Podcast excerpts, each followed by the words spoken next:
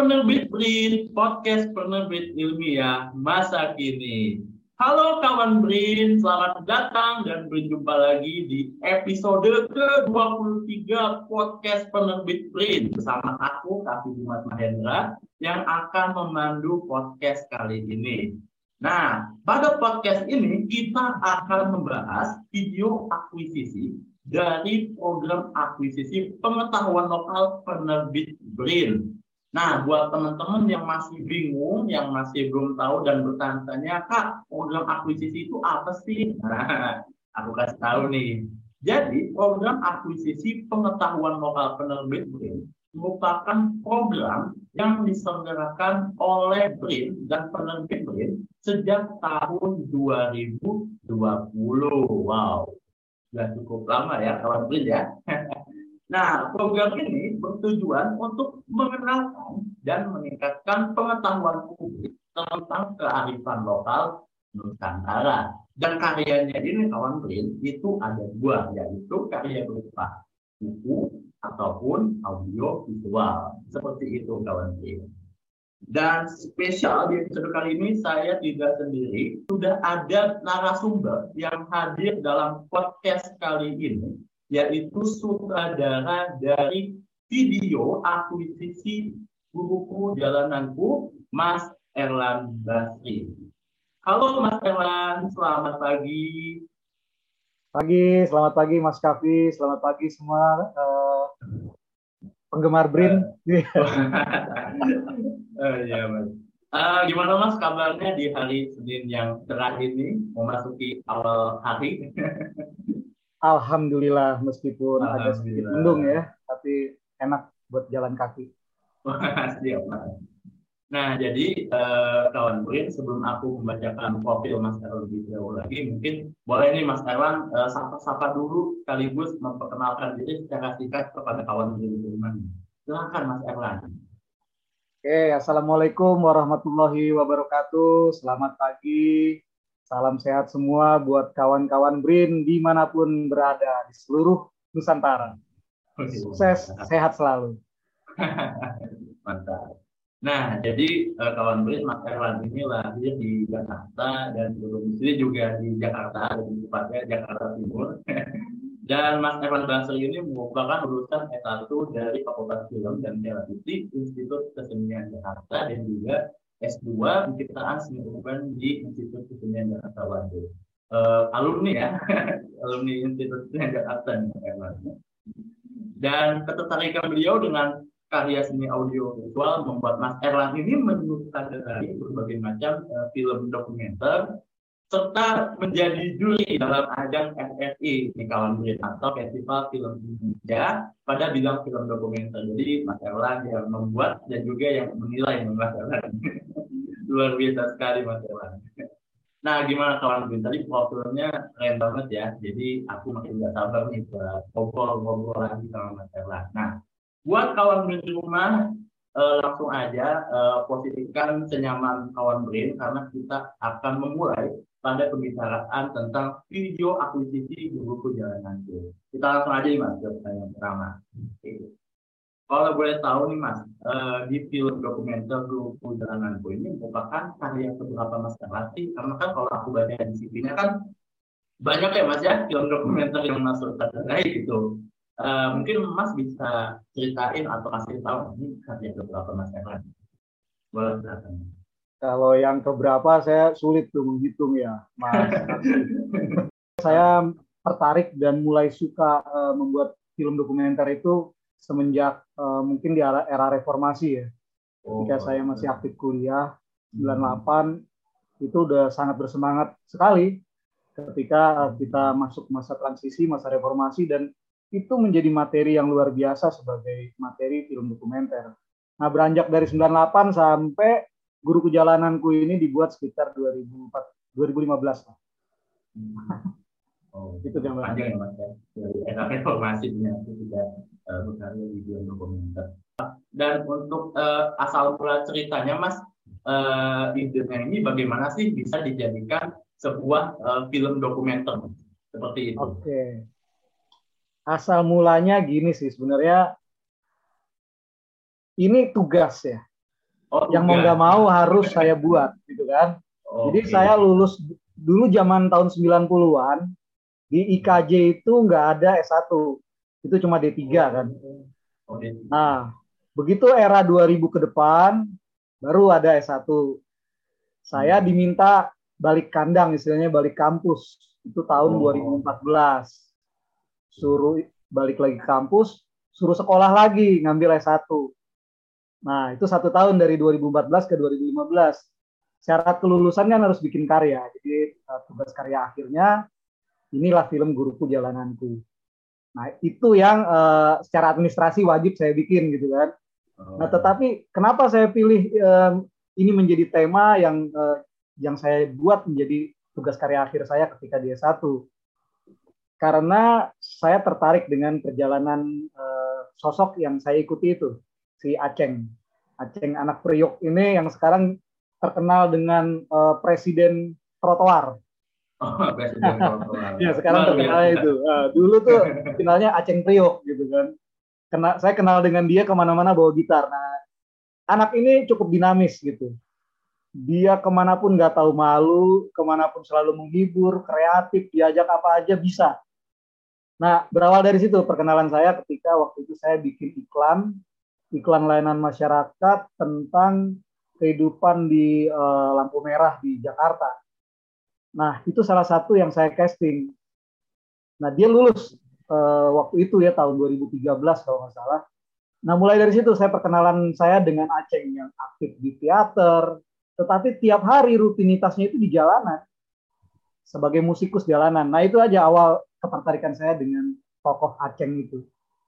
Oh jadi um, Mas Erlan ini bertemu Mas Aceh dari sebuah syuting ya Mas ya?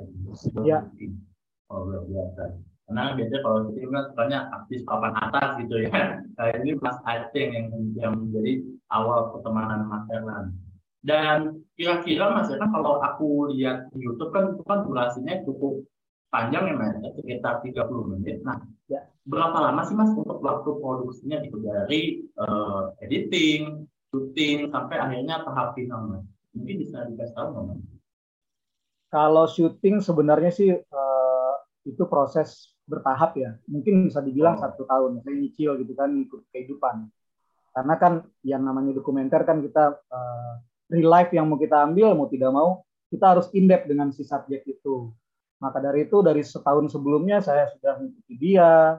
Di mana dia ikutin event misalnya ikut festival jalanan saya ambil. Tetapi pada akhirnya setelah satu tahun itu kan kita akan memilah kira-kira storytelling yang dipakai yang mana atau mau mengerucut yang mana nah itu akhirnya di 2015 itulah mungkin uh, satu bulan uh, terakhir sebelum film itu jadi itu proses saya yang ketat bagaimana uh, saya jalan bareng terus dengan si Aceh.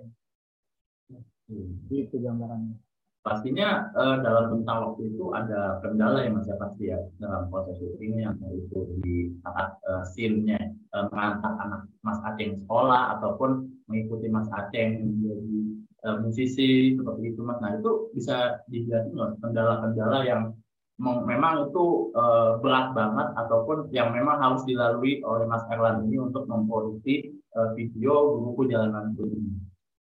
Oke, kalau dibilang kendala sih menurut saya pribadi nggak ada ya. Artinya kan gini, itu dinamika. Terjadi perubahan di tengah jalan, itu sebagai seorang dokumentaris atau sutradara film dokumenter, itu wajib uh, merespon uh, perubahan, wajib uh, mendekati subjek dan misalnya ada dinamika-dinamika di dalam perjalanan produksi, itu harus mampu kita antisipasi. Jadi bagi saya itu bukan kendala, tetapi itu tantangan yang harus kita hadapi dan harus kita create sebagaimana semenarik mungkin menjadi uh, sebuah alur cerita nantinya. Tetapi memang kalau bicara rasio syuting berbeda dengan film fiksi kan.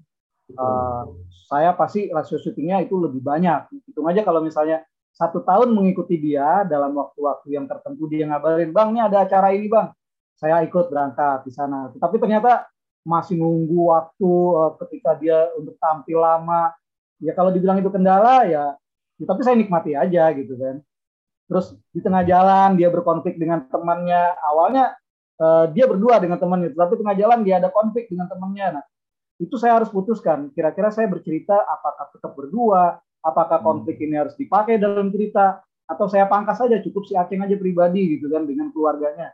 Nah itu itu kalkulasi-kalkulasi pada saat proses syuting berlangsung dan ujungnya nanti di tahapan ketika kita menyusun cerita di timeline editing. Jadi sangat dinamis. Saya merasa oh. itu bukan kendala tetapi itu dinamika yang harus kita respon sekreatif mungkin.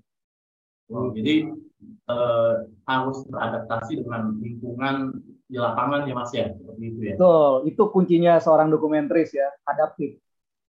Oh, adaptif tuh. Kalau mungkin yang mau mungkin jadi seorang film dokumenter bisa tuh bisa diambil tipsnya menjadi seseorang yang adaptif harus bisa merespon dengan kondisi lingkungan yang sedang terjadi seperti itu. Dan pasti tadi kan Mas Erlan bilang ada sesi konflik ya berantem sama temannya Mas Aceh. Mungkin ada nggak uh, momen-momen yang berkesan gitu selain mungkin tadi berantem atau eh, hal-hal uh, lainnya selama proses produksi ini Mas? banyak kalau masalah kesan tuh banyak saya banyak hmm. belajar dalam kehidupan uh, Aceng dan kawan-kawannya di jalanan di anak-anak trotoar itu banyak banget saya belajar hidup bisa dilihat deh di filmnya. Oh, iya, bagaimana iya. saya melihat mereka uh, kompak. Bagaimana mereka punya rasa kepedulian. Itu yang utama tuh. Uh, value dari film ini saya rasa itu. Kepedulian terhadap sesama tetapi dimiliki dari orang yang masih berkebutuhan, masih kurang gitu. Jadi sebuah rasa kepedulian yang tumbuh dari Mas Aceng ini Mas. Iya, Aceng dan kawan-kawannya yang saya banyak belajar dengan mereka. Nah, sekarang kita ke pertanyaan yang uh, menarik Mas. Sebenarnya apa sih Mas pesan yang ingin Mas sampaikan kepada para penonton dalam uh, film dokumenter Guru Perjalanan ini? ya itu pesan utama adalah kepedulian sosial itu yang utama banget bagaimana itu ada statementnya Aceng jadi bukan statement saya ya saya hanya oh, iya. me merangkum kira-kira ini nih statement dari sebuah film Guru Jalananku menolong orang menolong sesama itu nggak perlu kita menunggu kita mampu pada saat kesempatan nolong ya nolong itu yang saya dapat dari Guru Jalananku Berarti dari segi humanisme ya berarti ya Mas ya? Iya. Oh, iya, iya, iya. Dari segi humanisme. Dan uh, selanjutnya Mas, ini mungkin kita sedikit uh, berpendapat ya. Kalau dari pandangan Mas Erlan nih, bagaimana sih uh, pandangan ataupun perspektif atau pendapat dari orang-orang uh, masyarakat umum gitu terhadap kondisi para musisi jalanan saat ini? Mungkin mas. Uh, kalau saya ya, saya memposisikan yeah. diri sebagai orang uh, masyarakat pada umumnya gitu. Yeah. Saya sebagai penikmat seni gitu. Saya pun melihat kalau misalnya melihat Aceng pribadi dengan kreativitasnya dia, dengan musiknya dia, dengan cara dia melakukan entertain kepada siapa pun, saya menikmati, saya tidak terganggu. Tapi oh. akan menjadi terganggu ketika orang cuma genjreng-genjreng, kecek-kecek, minta-minta. Oh, iya. Itu aja bedanya. Selama dia kreatif dan mampu menghibur, memberikan sesuatu value kepada orang lain, pasti nggak akan menjadi masalah. Hmm, benar. Gitu sih. Ya, karena banyak masyarakat yang menemukan orang-orang itu kebanyakan ya tadi Mas bilang gendreng-gendreng nggak jelas gitu, cuma menimbulkan uh, kebisingan seperti itu kan. Oke. Okay. Dan untuk targetnya mas tadi kan sempat uh, mas menyinggung soal uh, kondisi sosial dan bagaimana kondisi mas Aceh itu untuk targetnya itu apakah tadi untuk masyarakat uh, umum untuk target videonya atau filmnya atau para pejabat pemerintah katakanlah dinas sosial gitu untuk lebih memperhatikan nasib uh, para masyarakat yang di bawah angka kemiskinan seperti itu. Iya, kalau bicara target audiens sih saya lebih ke general ya Oh, dan gitu. ini saya menurut saya ini menjadi film keluarga karena emang uh, Aceng dan keluarga gitu ada anaknya ada istrinya bagaimana dia mengelola keluarga uh, dengan kemampuannya dia dan tetapi juga pesan-pesan yang ingin dia sampaikan itu mengajak anaknya untuk ikut merasakan uh, membantu orang lain. Saya rasa sih ini uh, untuk general kepada uh, keluarga Indonesia yang di situ. Nggak saya nggak niat untuk mengkritik atau ke mana pun. Tapi yang jelas uh, lebih kepada bagaimana pembelajaran hidup dari sosok si Aceng yang dianggap orang anak jalanan gitu. Oke, menarik tentang perjalanan hidup. Dan aku penasaran nih Mas, bagaimana sih ceritanya Mas bisa mengetahui program akuisisi pengetahuan lokal dari penerbit penerbit print sehingga Mas Aceh eh Mas Erlan ini uh, berminat untuk mengirimkan karyanya Mas. Itu bagaimana Mas ceritanya? Nah ini kebetulan ya kalau guru perjalananku itu kayaknya periode awal waktu itu masih Lipi Press ya. Uh, Lipi Press itu ada kerjasama dengan Fakultas Film Televisi IKJ dan melakukan akuisisi uh, bersama dengan dosen-dosen uh, di FFTV IKJ itu memilah kira-kira yang mewakili dokumenter di periode itu siapa, yang mewakili film pendek itu siapa untuk diakuisisi BRIN. Jadi sepertinya guru perjalananku mekanismenya begitu uh, direkomendasikan hmm. direkomendasikan oleh kampus. Lalu saya ditanya, e, Mas minat nggak filmnya tuh mau diakuisisi loh sama uh, Lipi Press waktu itu ya sekarang Green. Ya seneng-seneng aja saya selama itu bisa diputar lebih luas ke mana pun bisa apa Betul. Uh, orang bisa melihat saya happy happy aja nggak ngeganggu kok gitu. Jadi uh, karena tawaran yang ada tawaran dari uh, kampus gitu Tangannya dipublikasiin gitu. Luar biasa. Iya, uh, daripada disimpan. Takutnya kehapus ya mas, kalau disimpan. Iya, iya. Uh, terus mas pertanyaan terakhirnya mas. Uh, bagaimana sih kesan Mas Elang gitu atau testimoninya setelah mengikuti program akuisisi ini dan mungkin pesan-pesan Mas Elang gitu buat kawan Brin yang di rumah yang ingin uh, juga mengirimkan karyanya tapi masih 50% nih semangatnya gitu. Jadi harus dipenuhi uh, sampai 100% gitu.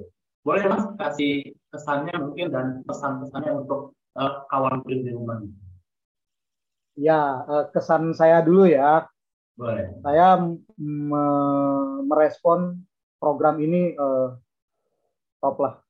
Boleh, gitu kan itu dulu tuh karena saya merasa sebagai uh, kreator ya ketika diakuisisi ya karyanya itu diupload lalu banyak diminta sama orang beberapa bulan yang lalu saya dikontak sama Brin juga katanya film mau di uh, kalau nggak salah diputar di uh, The ITV gitu kan film uh, di The ITV kan termasuk uh, TV yang khusus gitu yang um, menyiarkan hal kebaikan Berarti kan saya merasa oh apa yang saya lakukan ini juga disiarkan juga kebaikannya gitu kan. Itu membuat saya senang. Jadi dengan program Green ini uh, semakin meluaskan karya saya ketimbang itu saya cuma untuk ujian lalu saya simpan di lemari kan uh, kurang bermanfaat. Ditambah lagi Nah, ada bonus dari Brin gitu kan. Lumayan lah buat um, masukin apa uang saku di dompet lumayan. buat bantu kalau kita mau traveling atau mungkin buat biaya-biaya produksi uh, bikin dokumenter yang independen gitu kan. Minimal kita bisa buat beli tiket yang dekat-dekat ke Jogja pulang pergi bersama plus plus plusnya ya masih bisa lah gitu. uang saku yang diberikan oleh uh, program akuisisi Brin ini. Gitu sih. Nah terus kalau pesannya kepada kawan-kawan BRIN di mana pun di seluruh Nusantara, ya. nah, jangan sampai punya karya terus nggak diikutin, nggak dikirim ke akuisisi BRIN, sayang banget. Gitu. Sayang banget. Sayang banget karena sepertinya ini kesempatan yang uh, cukup luas ya, nggak merepotkan hmm. kita, lalu dipilih oleh orang-orang yang memang um, kompeten dan kredibel. Saya yakin itu. Karena saya hmm. kenal ada beberapa yang memang penilai atau kurator-kurator dari Green ya itu memang uh, orang-orang yang kredibel dan sesuai uh, dengan tracknya dan uh, bisa dibilang sangat objektif menilai karya-karya itu. Ketika karya-karya itu memiliki value yang baik buat masyarakat terpilih, nah bonusnya itu yang kita rasakan nanti. Jadi jangan lupa deh kirim segera karya-karyanya yang Terima kasih punya nilai gitu buat masyarakat banyak. Ya. Oke, Mas. Tadi uh, pertanyaan terakhir dari jawab juga.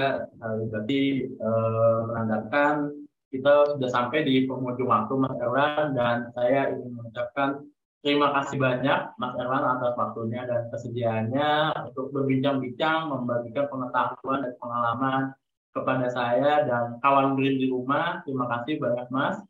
Uh, semoga podcast kali ini dapat memberikan informasi dan yang dan manfaat kepada kawan Green terkait video akuisisi penerbit Green buku Jalanan Itu. Nah, selain itu, kawan Green yang ingin mendapatkan pengalaman yang sama seperti Mas Erlan, bisa langsung berpartisipasi dengan mengirimkan karya hasil kawan Green berupa audio visual atau buku. Dan untuk kawan Green yang masih kepo-kepo, ingin tahu lebih detailnya tentang program akuisisi ini, bisa langsung mengunjungi tautan link klik slash akuisisi Brain. Nah, itu kawan Green bisa menemukan informasi secara lengkap tentang program akuisisi pengetahuan lokal penerbit dan nantikan juga terus episode podcast penerbit berikutnya. Uh, aku Kapi Dimas Mahendra, pamit undur diri. Sampai jumpa di podcast penerbit Brin, podcast penerbit ilmiah masa kini episode selanjutnya. Sampai jumpa. Dadah.